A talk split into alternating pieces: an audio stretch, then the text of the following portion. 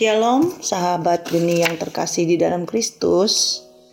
Jumpa lagi dengan saya Yulianti Jaya Laksana dari Persekutuan Doa Santo Yosef Denpasar.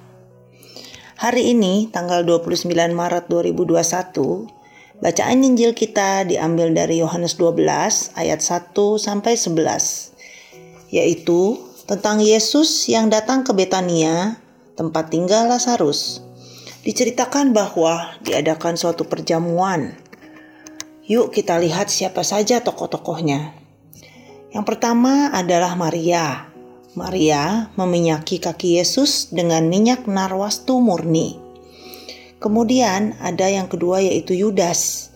Yudas yang hadir juga di situ berpendapat lain. Dia berpendapat bahwa Minyak narwastu yang mahal itu lebih baik dijual saja dan hasilnya dibagi-bagikan kepada orang miskin. Nah, ada lagi tokoh lain yaitu orang-orang banyak yang datang untuk melihat Lazarus. Nah, kita lihat bagaimana motivasi-motivasi yang ada di antara tokoh-tokoh kita tadi. Yang pertama adalah Maria. Maria meminyaki kaki Yesus dengan minyak yang sangat mahal. Nah, tentu saja uh, saya yakin dan percaya Maria memiliki motivasi yang tulus untuk melakukan hal ini. Bagaimana mungkin mau memberikan sesuatu yang sangat berharga? Nah, kemudian ada juga Yudas.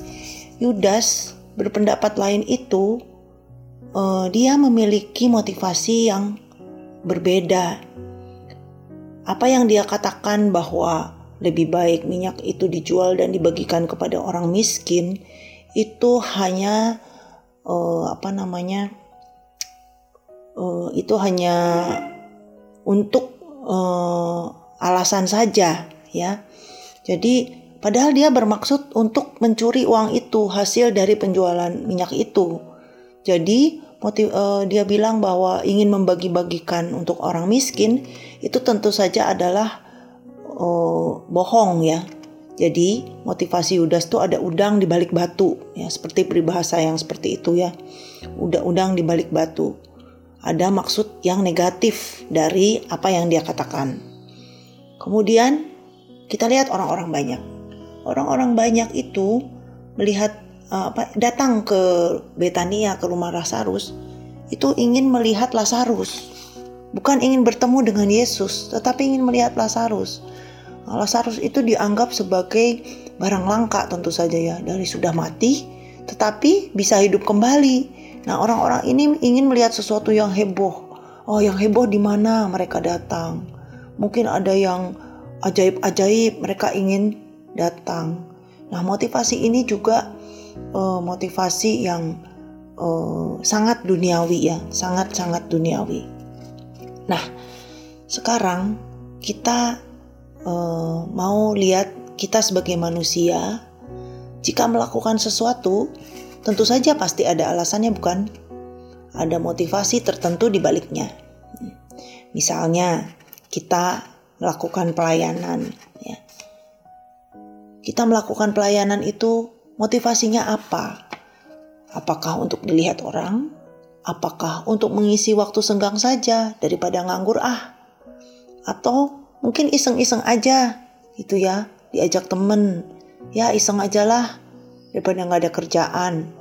Nah, itu juga uh, patut dipertanyakan ya motivasi seperti itu. Kemudian mungkin hal-hal lain dalam masa prapaskah ya, masa sekarang ini. Uh, misalnya kita ikut berpuasa. Ya, sebetulnya itu adalah kewajiban ya. Tapi apakah motivasi kita melakukan puasa itu ada hanya melulu kewajiban saja atau supaya dilihat orang kita sebagai orang yang kudus ya.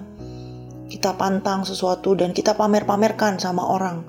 Oh, hari ini saya pantang loh. Oh, jadi saya berhasil loh. Nah, itu apakah motivasi kita untuk berpantang dan berpuasa seperti itu? Bahkan yang sering kali terjadi adalah ketika kita berderma atau bersedekah. Ini kita lakukan untuk dilihat orang, untuk supaya kita dihargai orang.